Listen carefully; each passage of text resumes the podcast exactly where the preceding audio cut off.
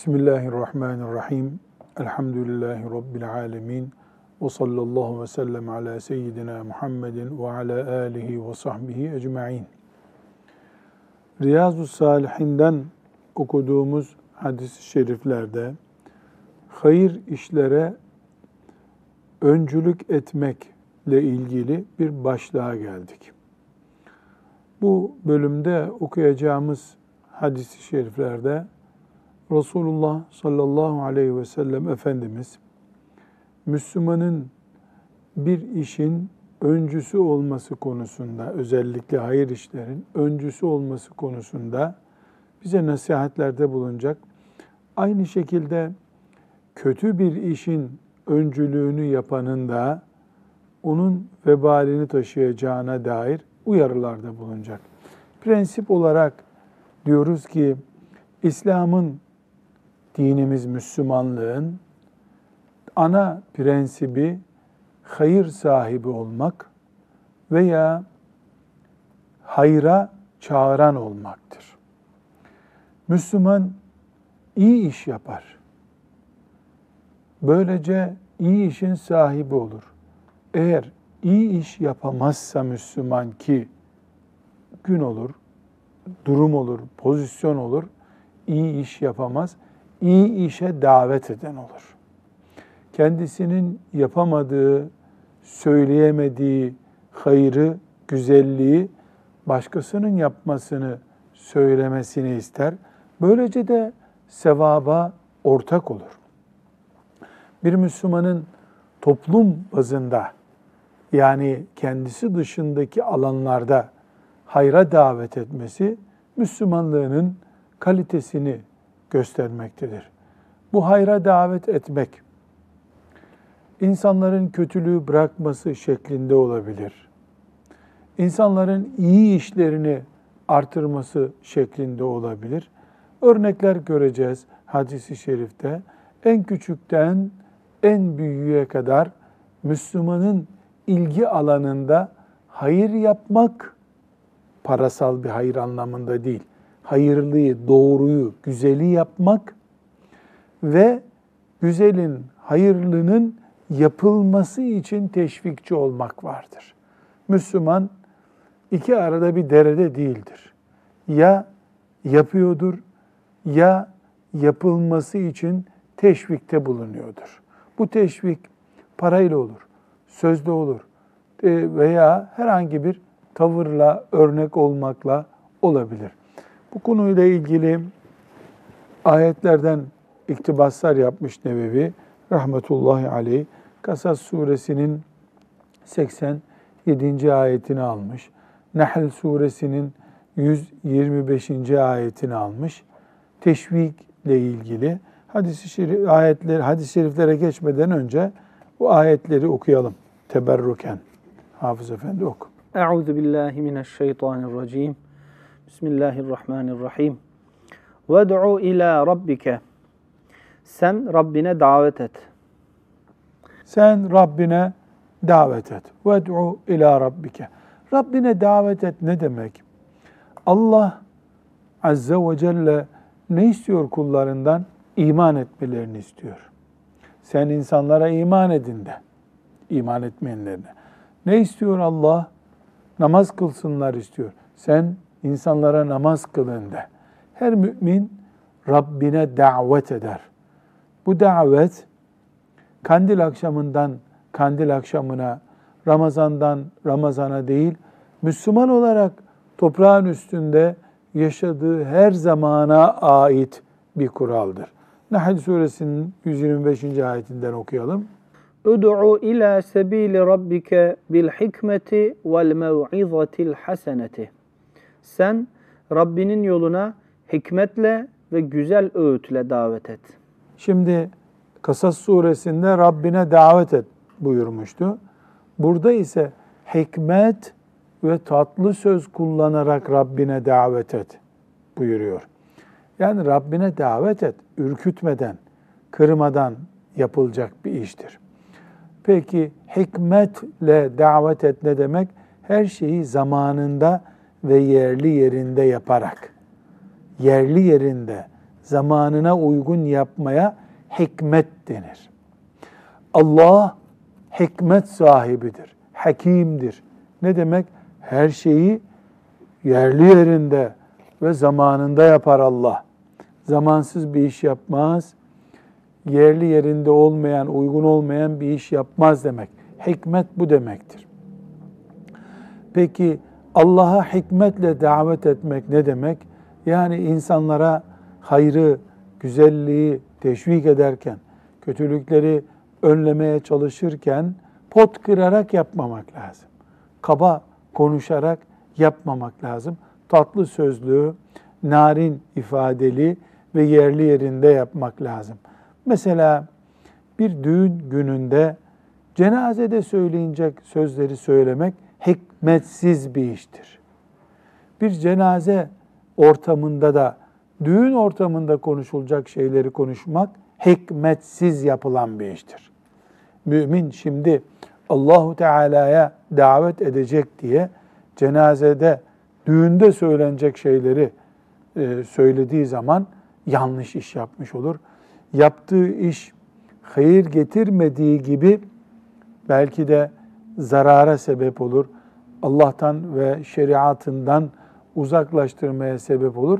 Buna dikkat etmesi lazım. Maide suresinin ikinci ayetinden alınmış bir emir var. Onu okuyalım. Ve taavenu alel birri ve takva. İyilik ve takvada yardımlaşın.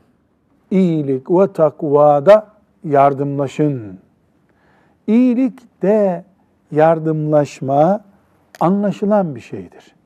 Yani filan yerdeki fakire bayramda bir çorap hediye etmek, mendil hediye etmek bu iyilikte yardımlaşma. Soframızdaki yemekten dul bir kadına, fakir birine vermeyi çocuklarımıza teşvik ediyoruz. İyilikte yardımlaşma. Peki takvada yardımlaşma ne demek? Ve taavenu alel birri ve takva. İyilikte ve takvada yardımlaşın buyuruyor Rabbimiz. Yani takva daha iyi Müslüman olmak demek. Sadece namaz kılmak değil, daha iyisini yapmak demek. En küçük kötülüklerden de uzak kalmak demek. Demek ki Allah'ın bize emri namaza gidin gelin demek değil. Herkesin namaz kılacağı ortamı oluşturun demek. Sadece ben günah işlemiyorum değil, filancalar da günah işlemesin, cehenneme girecek iş yapmasınlar diye gayret etmek demek. Allahu Teala'nın emri bu şekilde. Aynı şekilde Ali İmran suresinin 104. ayeti var. O ayetin de bir bölümünü okuyalım. وَلْتَكُنْ minkum ummetun yed'ûne ilel hayri. Aranızdan iyiliğe, hayra çağıran bir topluluk bulunsun. Yani bu Ali İmran suresinin mübarek ayeti İslam toplumunun Müslümanların yaşadığı köylerin ve şehirlerin içinde herkesin İslam'a davet etmesi gerektiğini ama bir grubun da işinin bu olması gerektiğini emrediyor. Gençlerin ahlakıyla ilgilenen bir grup bulunsun. وَلْتَكُمْ مِنْكُمْ اُمَّةٌ يَدْعُونَ اِلَى الْخَيْرِ وَيَأْمُرُونَ بِالْمَعْرُوفِ وَيَنْهَوْنَ عَنِ الْمُنْكَرِ Bir grup bu işi yapmalı. Çünkü neden? İşine gücüne giden esnaf, işçi insanlar, hatta işveren insanlar, yani gençlerle oturup onların oynadığı yerlerde, girip çıktığı yerlerde onlara gençlere nasihat etmeleri, kadınlara nasihat etmeleri zor olabilir. Vakit bulamıyor olabilirler. Gelişen fitne fesadın nasıl önleneceğine dair birikimleri olmayabilir. Ama bu işte uzman bir grup olmalı. Şimdi bu Ali İmran suresinin 104. ayeti bizi bir tefekkür noktasına getiriyor. O tefekkür noktası da şudur. Allah'a davet, güzel sözleri anlatmak, iyilikleri yaymak, kötülükleri önlemek konusunda içinizden bir görevli grup bulunsun Allah buyuruyor. Celle Celaluhu. Bu emir kat'i mi? Şüphe var mı? Olsa da olur mu diyor Allah? Vel tekun. Olsun mu? Buyur. Olsun. Memleketimiz Türkiye açısından bu el, meseleyi ele alalım. Türkiye'de bu görev Diyanet İşleri Başkanlığı'nın görevi olarak biliniyor. Diyanet İşleri Başkanlığı'nın da işte 150 bine yakın herhalde görevlisi var. Her mahallede bir camisi var, her köyde bir camisi var, orada bir görevlisi var. Cumhuriyet kurulduğundan beri Türkiye'de bu görev Diyanete veriliyor. Ama ortada iki tane büyük sorun var.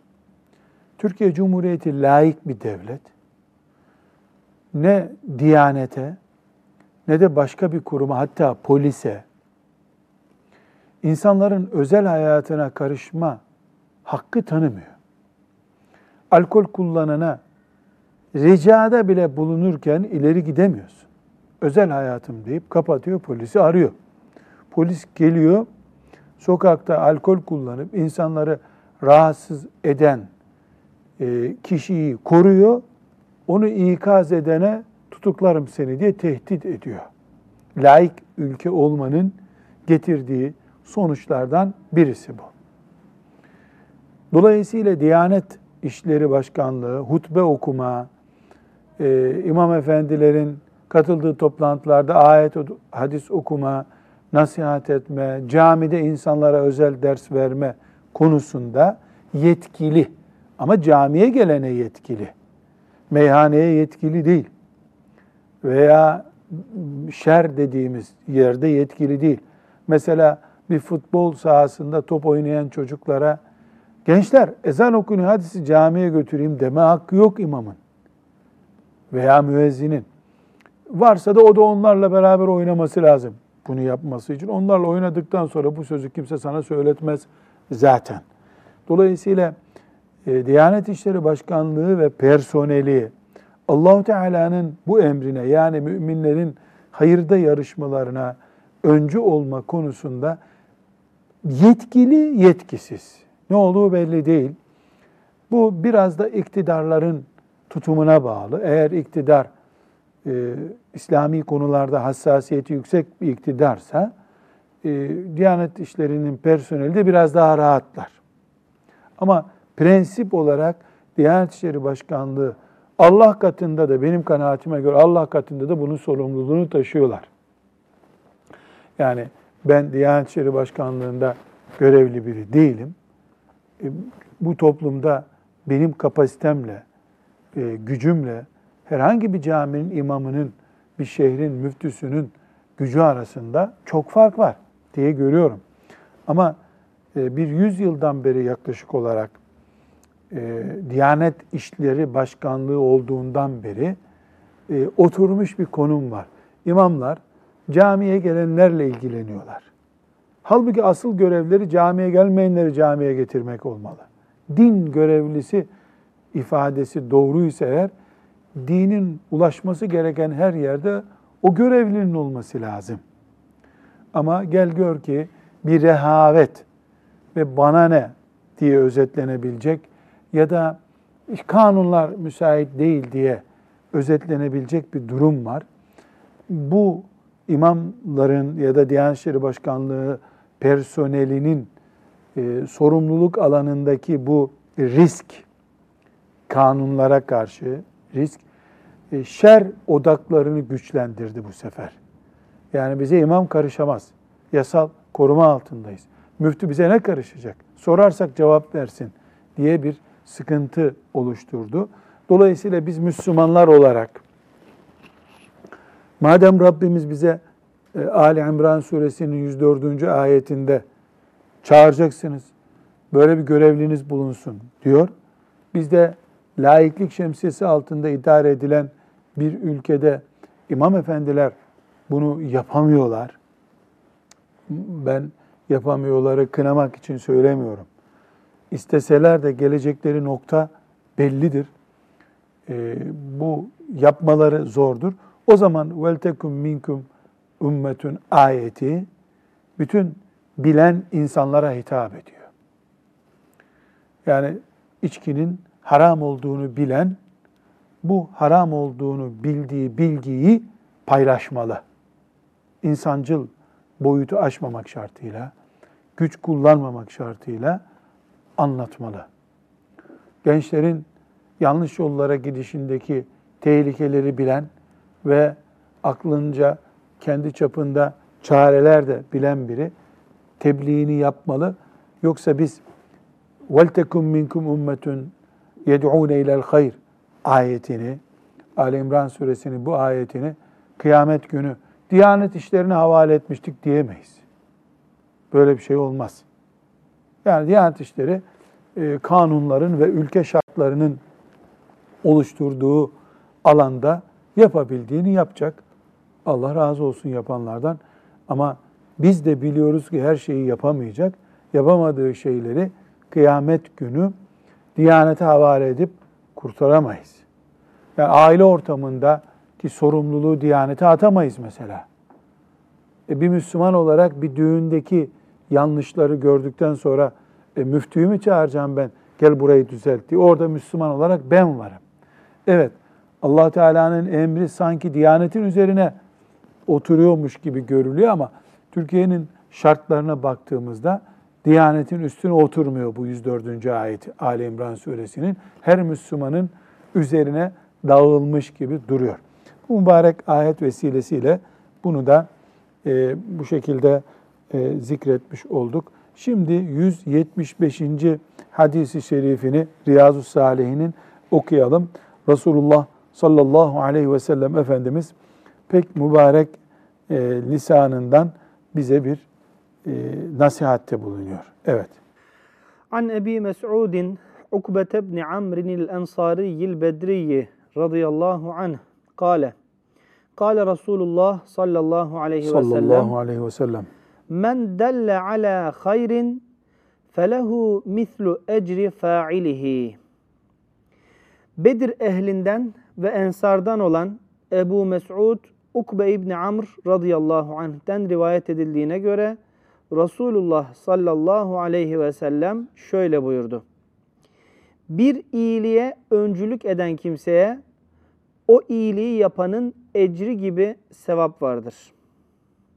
Bu hadisi Müslim'de görüyoruz. Ebu Davud'da da görüyoruz. Sahih bir hadis-i şerif.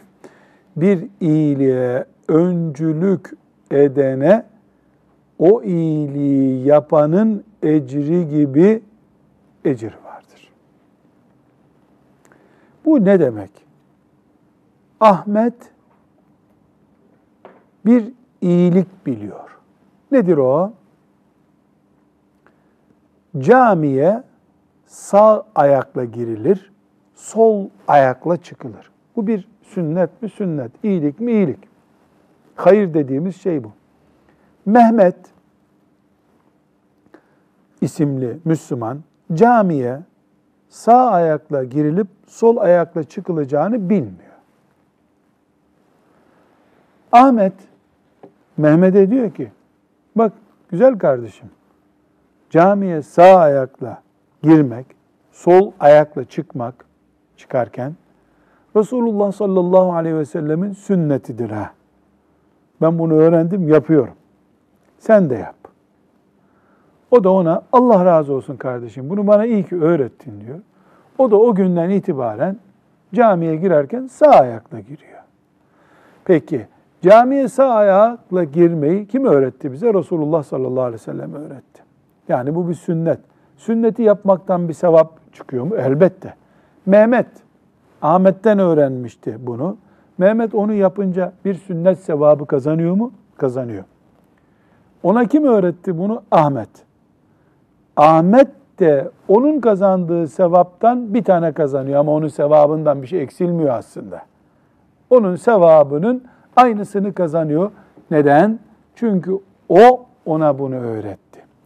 Peki bu namaz kılmak olsaydı aynı şey olacaktı. Zekat vermeyi öğretti. Verdikçe o zekatı bu da sevap kazanacak. Onun zekatından bir şey eksilmiyor. Böylece anlıyoruz ki İslamiyeti Allahu Teala birbirimize yaymamızı istiyor. Hocalara savsaklayıp bir kenara çekilmek değil. Güzel olarak ne biliyorsam o güzelliği mümin kardeşime ulaştırmayı istiyor Allah. Karşılığında da öğrettiğim, yaydığım şey yapıldıkça bana da sevap geliyor. Burada bir soru var. Resulullah sallallahu aleyhi ve sellem bütün iyilikleri bize öğreten değil midir? İyilik namına ne biliyorsak, bunu Resulullah sallallahu aleyhi ve sellem'den öğrenmedik mi? Öğrendik. Bugün dünyada mesela 100 milyon kere filan sevap olan iş yapılıyor. Dün de yapıldı, yarın da yapıldı. 1400 senedir Resulullah sallallahu aleyhi ve sellem sabah namazını kılın diye bize öğrettiği için sabah namazı kılınıyor. Bütün bunlardan yapanlar sevap kazanıyor mu? Kazanıyor. Hepsi kime yazılıyor tekrar? Sallallahu aleyhi ve sellem Efendimiz'e yazılıyor. Onun için hiçbir peygamber, hiç kimse Resulullah sallallahu aleyhi ve sellemin sevap birikimine ulaşamaz. Niye? Milyarlarca insan kazanıyor ve kazandırıyor sallallahu aleyhi ve selleme. Hiçbir ümmet yok ki dünyada 1400 sene sürmüş bir peygamber yok ki. En uzun süren 200 sene, 300 sene peygamberlik yaptı. Nuh Aleyhisselam'ın ümmeti yoktu zaten. Dolayısıyla onlar ne kadar kalabalık olursa olsun 100 sene sonra bitti. Resulullah sallallahu aleyhi ve sellem 1400 senedir öğrettiği şeyler yapılıyor. O yapanlar sevaplarını bir kenara yazıyorlar. Melekler aynı sevabı Resulullah sallallahu aleyhi ve selleme yazıyorlar. Sallallahu aleyhi ve sellem. Bunun mini bir kopyası hoca efendi için geçerli. Torununa abdest almayı öğreten nene için geçerli. Torun abdest aldıkça 50 sene, 60 sene mezarında o nene çoktan kemikleri de çürümüştür. Sevaplar gelmeye devam ediyordur. Öğreten, hayır öğreten kimse olduğu için. Ve 176. hadisi şerifte biraz daha açılmış olarak e, bu konuyu Efendimiz sallallahu aleyhi ve sellem öğretiyor. Tercümesini okuyalım hadis-i şerifin. Ebu Hureyre radıyallahu anh'ten rivayet edildiğine göre Resulullah sallallahu aleyhi ve sellem şöyle buyurdu. İnsanları doğru yola çağıran kimseye kendisine uyanların sevabı gibi sevap verilir. Ona uyanların sevaplarından da hiçbir şey eksilmez. Başkalarını sapıklığa çağıran kimseye de kendisine uyanların günahı gibi günah verilir. Ona uyanların günahlarından da hiçbir şey eksilmez. Allahu Ekber. Müslim'de, Ebu Davud'da, Tirmizi'de, İbn-i bu hadisi şerif. Çok net dört şey söylüyor. Ne diyor? İnsanlara doğru şeyleri öğretenlerin sevap kazanacağını. İki, o sevabı öğrettiği kimselerin sevabından kesilmiyor ama. Yani onlar yüz sevap kazanacaktı da ellisi buna veriliyor değil. Bunlar sevabını alıyorlar. Bu da onlardan sevap kazanıyor. Üçüncü şey ne? Kötü bir şeye örnek olan da günah kazanıyor. Dört, onların günahından da bir şey azalmıyor. Yanlış olan bir işi A, B şahsına öğretti. Örnek oldu. Teşvik etti. B şahsı onu yaptı. Ya kazandığı günah nedir? Yüz. Yüz de günah onu öğretene. Bunun için bir günahı kendi kabuğuna kapanmış olarak yapmak günah, birisinin gözü önünde yapmak, günaha günah katmak günah. Bunu da bu şekilde öğrenince bu hadisi şerif bize çok önemli bir kural öğretiyor. Nedir o? Dinimiz bir işi yapanla o işe sebep olanı sevap ve cezada aynı görüyor. İşi yapan, işe sebep olan. Bu hadisten anlıyoruz. Günah olarak aynı günaha düşüyorlar. Neden? Çünkü belki de o sebep olmasa bu günahı işlemeyecekti. Aynı şekilde o öğretmese abdest almayacaktı. Sevapta da öyle. Bu hadisi şerifi de bu şekilde okumuş olduk. İnşallah olumlu ve olumsuz uygulamalarında bize örnek olur müminler olarak. Burada Hayber'in fethiyle ilgili tatlı bir hatıra var. Bu hatırayı e, şimdi dinleyeceğiz. Sehl ibn Sa'd radıyallahu an isimli sahabi naklediyor. Bu Sehl ibn Sa'd radıyallahu anh Müslüman olduğunda e, çok gençmiş. Veya Resulullah sallallahu aleyhi ve sellem Efendimiz vefat ettiğinde bu 15 yaşındaydı diyelim. Öyle düzeltelim cümlemizi. Ve Medine-i Münevvere'de en son vefat eden sahabinin e, bu Sehl ibn Sa'd radıyallahu anh olduğu söylenir. Hayber fethi ile alakalı bir hatıra bu 177. hadisi şerif. Hatıranın özetini ben nakledeyim. Hayber Medine'ye 100 mil civarında bir mesafede Yahudi yerleşkesi bir semt o zamanlar. Efendimiz sallallahu aleyhi ve sellem Hayber'in fethedilmesini düşünmüş. Hayber'in e, fethedilmesi Yahudilerin ekonomik güçlerinin kırılması, e, Medine'nin de e, ekonomik ve sosyal güvence, askeri güvence altına aynı zamanda alınması demek oluyordu. Bir orduyla Efendimiz sallallahu aleyhi ve sellem hicretin 6. E, senesinden sonra Hayber'e gitti. Hayber'de bir muhasara yapıldı ama başarılı olunamadı. E, akşama kadar beklendi. Efendimiz sallallahu aleyhi ve sellem buyurdu ki, çok önemli bir nokta bu. Bugün fethi gerçekleşmedi ama yarın görevi birisine vereceğim. O görevi verdiğim kişinin eliyle bu fetih gerçekleşecek buyurdu. Bu ashab-ı kiramın çok hoşuna gitti. Neden? Çünkü Resulullah sallallahu aleyhi ve sellem fetih gerçekleşecek diyorsa gerçekleşecek demektir. Bunda bir tereddüt olmaz. O ordu komutanı yani A şahsına verecek diyelim. Kesin muzaffer bir kumandan olacak. Şüpheleri yok Peygamber sallallahu aleyhi ve sellem'den. Ömer radıyallahu anh bile diyor ki o günkü kadar lider olma arzum olmadı diyor. İstedim ki beni çağırsın, Ömer'e vereceğim bu görevi desin. Çünkü zafer kesin. Ertesi gün sallallahu aleyhi ve sellem Efendimiz Ali nerede buyurmuş. Ali bin Ebi Talib radıyallahu anh anlamış. Ashab demişler ki ya Resulallah gözünde bir sıkıntı oldu. Bayağı bir ağrısı var. Çağırın bana buyurmuş. Sallallahu aleyhi ve sellem Efendimiz onun tedavi olacağı şekilde mucizevi bir tedavi uygulamış ona. Ali toparlanınca Ali'ye sancağı teslim etmiş yani görevi vermiş. Git bu fethi gerçekleştir buyurmuş. Ve bu esnada da özet olarak anlatıyorum. Buyurmuş ki bak Ali bir kişinin hidayete gelmesi hani fethiye gönderiyor onu. Kale senin olacak. Ama bir kişinin hidayete gelmesi, mümin olması şu dünyadaki bütün develerden bizim için daha hayırlıdır. Deve demek o zaman en değerli varlık demek. Yani ana gayemiz bizim bunların kalesini fethetmek değil, Allah'a gelmelerini, mümin olmalarını sağlamaktır buyurmuş. Şimdi hadis-i şerifi okuyacağız.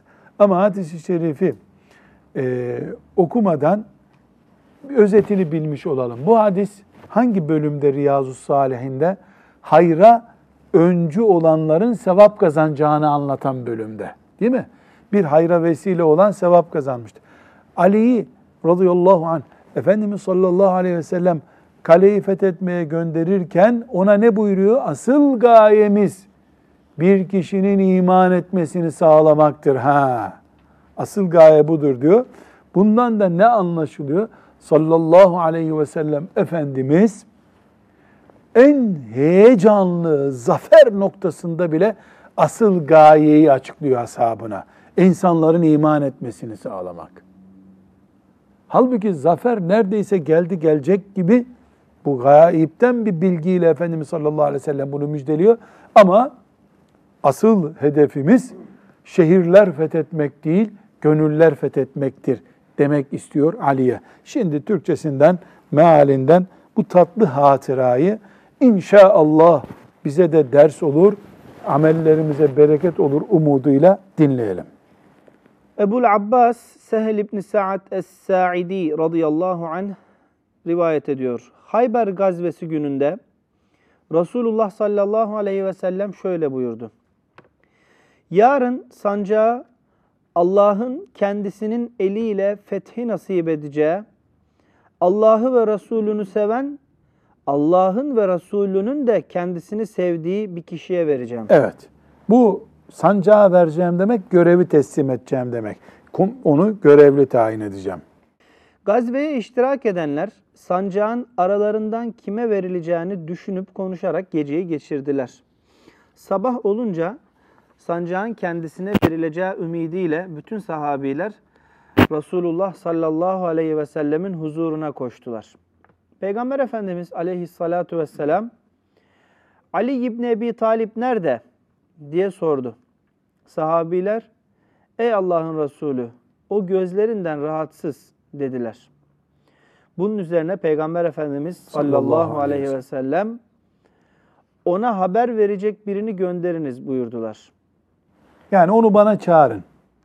Ali derhal getirildi. Resulullah sallallahu aleyhi ve sellem onun gözlerini tükürüğüyle tedavi ederek kendisine dua etti. Yani tükürüğüyle tedavi etmek ne demek? Eliyle tükürüğünü yani eline tükürüp ıslattı parmaklarını. Ali radıyallahu anh'ın gözüne sürdü. O kadar ki hiç ağrısı yokmuş gibi oldu. Bu bir mucize tabi sallallahu aleyhi ve sellem. Peygamber sallallahu aleyhi ve sellem sancağı ona verdi. Ali, ya Resulallah onlar da bizim gibi mümin oluncaya kadar mı savaşacağım dedi. Yani Ali ne soruyor? Ya Resulallah şimdi sonuna kadar savaş mı yapayım yoksa hemen kırıp dağıtıp geleyim mi? Resulullah sallallahu aleyhi ve sellem şöyle buyurdu. Acele etmeden gayet sakin bir şekilde onların yanına var. Kendilerini İslam'a davet et. Uymaları gereken ilahi yükümlülükleri kendilerine haber ver. Allah'a yemin ederim ki senin vasıtanla Allah'ın bir tek kişiye hidayet vermesi senin için kırmızı develere sahip olmaktan daha hayırlıdır. Ee, sallallahu aleyhi ve sellem Efendimizin hırsını, insanların iman etmedeki yüksek arzularını görüyoruz. İnsanlar iman etsinler. Halbuki fethi gerçekleşecek, yani bu kale düşecek, Müslümanların olacak ama asas gayemiz oradakilerden birisi iman etsin. Ve bir kere daha Resulullah sallallahu aleyhi ve sellem ve ashabının nasıl bir ortam yaşadıklarını görüyoruz. Allah onlardan razı olsun. Ashab-ı kiram nasıl da insanların içinden sıyrılıp Resulullah'ın sevdiği adam olayım. Yani yarın çağıracağım dediğine göre ah beni bir çağırsa diye. Böyle bırak görevden kaçmayı belki de şehit olacağı bir yerde, hayatına mal olacak bir yerde en ciddi ilk görevi ben alayım diye heyecanlanıyorlar. Ama Resulullah sallallahu aleyhi ve sellem Ali'yi gönderirken asıl gayemiz bizim bir kişinin hidayetine vesile olmaktır diye özetlenebilecek talimatını veriyor. 178. hadisi şerifte ashab-ı kiramdan bir örnek var. Bu örneği de tercümesinden okuyalım. 178. hadis-i şerife geldik. Enes radıyallahu anh'ten rivayet edildiğine göre Eslem kabilesinden bir delikanlı şöyle dedi. Ya Resulallah ben gazveye katılmak istiyorum fakat harp için gerekli olan malzemelerim yok. Resulullah sallallahu aleyhi ve sellem filan kişiye git o harbe gitmek üzere hazırlanmıştı ancak hastalandı buyurdu. Delikanlı o kişiye gitti ve Resulullah sallallahu aleyhi ve sellem sana selam ediyor ve harp için hazırladığın malzemeleri bana vermeni söylüyor dedi. Bunun üzerine adam hanımına, hanım hazırladığım harp malzemelerinin hepsini bu delikanlıya ver. Onlardan hiçbir şey geriye bırakma. Allah hakkı için onlardan hiçbir şey bırakma ki berekete nail olalım dedi. Bu da İmam Müslim'in sahihinde rivayet ettiği bir hadis-i şerif. Olayı tekrar özetleyeyim. Enes radıyallahu an anlatıyor. Delikanlının biri Resulullah sallallahu aleyhi ve sellemle beraber cihada çıkmak istiyor. Ama cihada çıkmak demek bugünkü gibi gidiyorsun askere, sana işte elbiseni veriyorlar, miğferini veriyorlar, botlarını veriyorlar, silahını veriyorlar ve sen de işte gidiyorsun Çanakkale'ye diyelim. O gün öyle değildi cihat. Elbiseni de, kılıcını da, ayakkabını da, yiyeceğini de kendin alıyorsun. Yani hem bedeninle cihad ediyorsun hem de malın varsa malını getiriyorsun. Yani bir asker gibi devlet seni donatmıyor. Sen geliyorsun. O sebeple bu delikanlı parası yok. Silah alacak bir imkanı yok. Ama cihat da etmek istiyor. Ashab-ı kiramdaki heyecan bu. Çünkü cihat İslam'ın zirvesi, en iyi noktası müminin başında kıyamet günü şeref tacı cihat. Onu yapmak istiyor fakat yok. Cihada gidecek ayakkabısı yok. Geliyor Resulullah sallallahu aleyhi ve sellem Efendimiz'e Ya Resulullah ben seninle cihad etmek istiyorum ama yok. Elbisem yok, ayakkabım yok, kılıcım yok. Efendimiz sallallahu aleyhi ve sellem hadisi şerifi Nevevi'nin bu baba, bu bölüme koyma nedeni burada şimdi. Efendimiz sallallahu aleyhi ve sellem gel yavrum biz sana buradan veririz. Depodan bu çocuğa bir kılıç verin demiyor, diyemiyor. Yok, öyle bir depo yok zaten. Yedek bir malzeme yok. Ama cihad etmek isteyen bir delikanlı var. O delikanlının malzemesi yok. O malzemeyi verecek devletin gücü yok. Peki ne yapıyor Efendimiz sallallahu aleyhi ve sellem? Çözüm üretiyor. Ve hayra delalet ediyor. Efendimiz sallallahu aleyhi ve sellem kendisi yapamıyor. Yapacak bir yer bulacak şimdi. Ne demiştik? Müslüman ya iyi iş yapar ya yapılması için aracı olur. Resulullah sallallahu aleyhi ve sellem kendisinden delikanlı yardım istiyor. Bana kılıç ver cihad edeyim diyor. Yok. Verecek imkanı yok. Ne buyuruyor? Filancaya git. İşte bir isim söylüyor ona. A ismine git. O bizimle cihada gelecekti. Onun da hazırlığı vardı. Donanımı vardı. Ama hastalandı. Gelemeyecek. Kılıcı, ayakkabısı, matarası, işte poşetindeki yiyecekleri adam hazırlamıştı. Tam cihada çıkılacak gün hastalandı adam. Gelemeyeceği belli bir şey. Git ona sana versin onun hazırlıklarını diyor. Burada Efendimiz sallallahu aleyhi ve sellem yapamadığı bir şeyin yapılmasına öncülük ediyor. Örnek bu bölümde burada. Ne yapalım yavrum yok böyle bir imkanımız deyip gönderebilirdi. Ama Müslüman yapamadığının yapılmasına aracı olan insandır. ispat ediliyor burada. Çocuk kalkıyor, delikanlı gidiyor. O adamı buluyor, selam veriyor. Resulullah'ın selamı var sana diyor aleyhissalatü vesselam. Sen cihada gidecektin, hastalandın ya. Ben gideceğim, benim malzemem yok. Sen bana o malzemeyi versene diyor. Adam da yattığı yerden hanımına diyor ki hanım Resulullah sallallahu aleyhi ve sellem bize bir delikanlı gönderdi. Bu delikanlı cihada gidecekmiş. Malzemesi yokmuş. Sen benim için hazırladığın malzemeleri hepsini ver. Sakın ha Allah için bir şey geri bırakmayasın ha. Yani Allah'ını seversen geri bir şey bırakma. Zaten geri bırakacak da mesela kılıcını verecek, ayakkabısını verecek ama diyelim ki kadın kocası için işte peynir de hazırlamıştı, çok ekmek hazırlamıştı. Nasıl olsa kocası gitmeyecek, peyniri vermez belki. Hani ekmeğin yarısını, sakın öyle yapma, Allah'ını seversen öyle yapma diyor. Kadın da onları getiriyor. Aha diyor kocamın cihada gitmek için hazırladığı malzemeler diyor. Bu burada iki hassas nokta görüyoruz.